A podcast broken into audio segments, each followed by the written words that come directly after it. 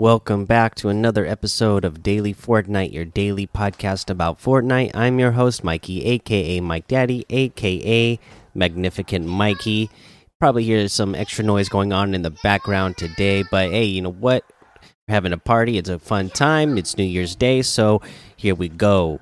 Uh, today we have the Shockwave LTM back in the game. Uh, it says compete to win three rounds in a knockback focused arena. Weapons don't damage players, but instead knock them back.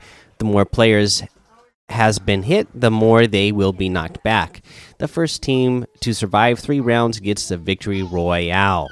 This is duos this time around, and you know what? This is a really fun game mode, so go check it out uh, and have a good time in that there's a couple of things in the news as it relates to the Fortnite crew membership. So they say on PlayStation, Samsung, and Switch will receive Green Arrow.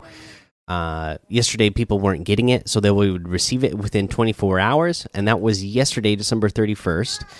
It is the end of January 1st already, so hopefully, you guys have signed in today and gotten it by now. And if you haven't, you should be getting it, uh, you know, by the end of the day the next time you sign in. Definitely by tomorrow. You should when you open up fortnite and sign in you should have it if you haven't already gotten it.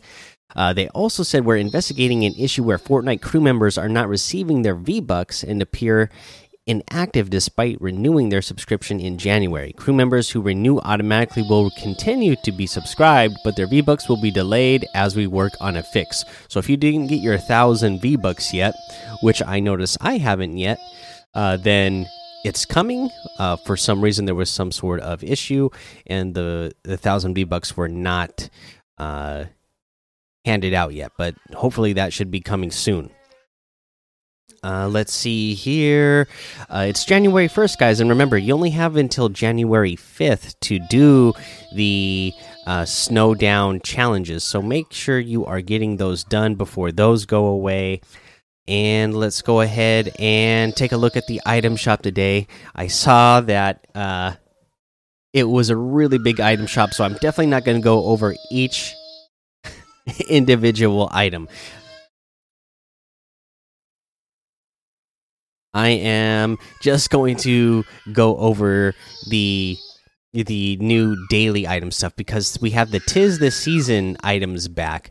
Tis the season you know it has like all of the christmas items holiday themed items that we had over the holidays like literally like everything. So anything that you missed that you really wanted it is back in the item shop for you to get uh, and then other than that, we have the cloak shadow outfit with the shadow wings back bling in here for 1,500. The bullseye outfit for 800.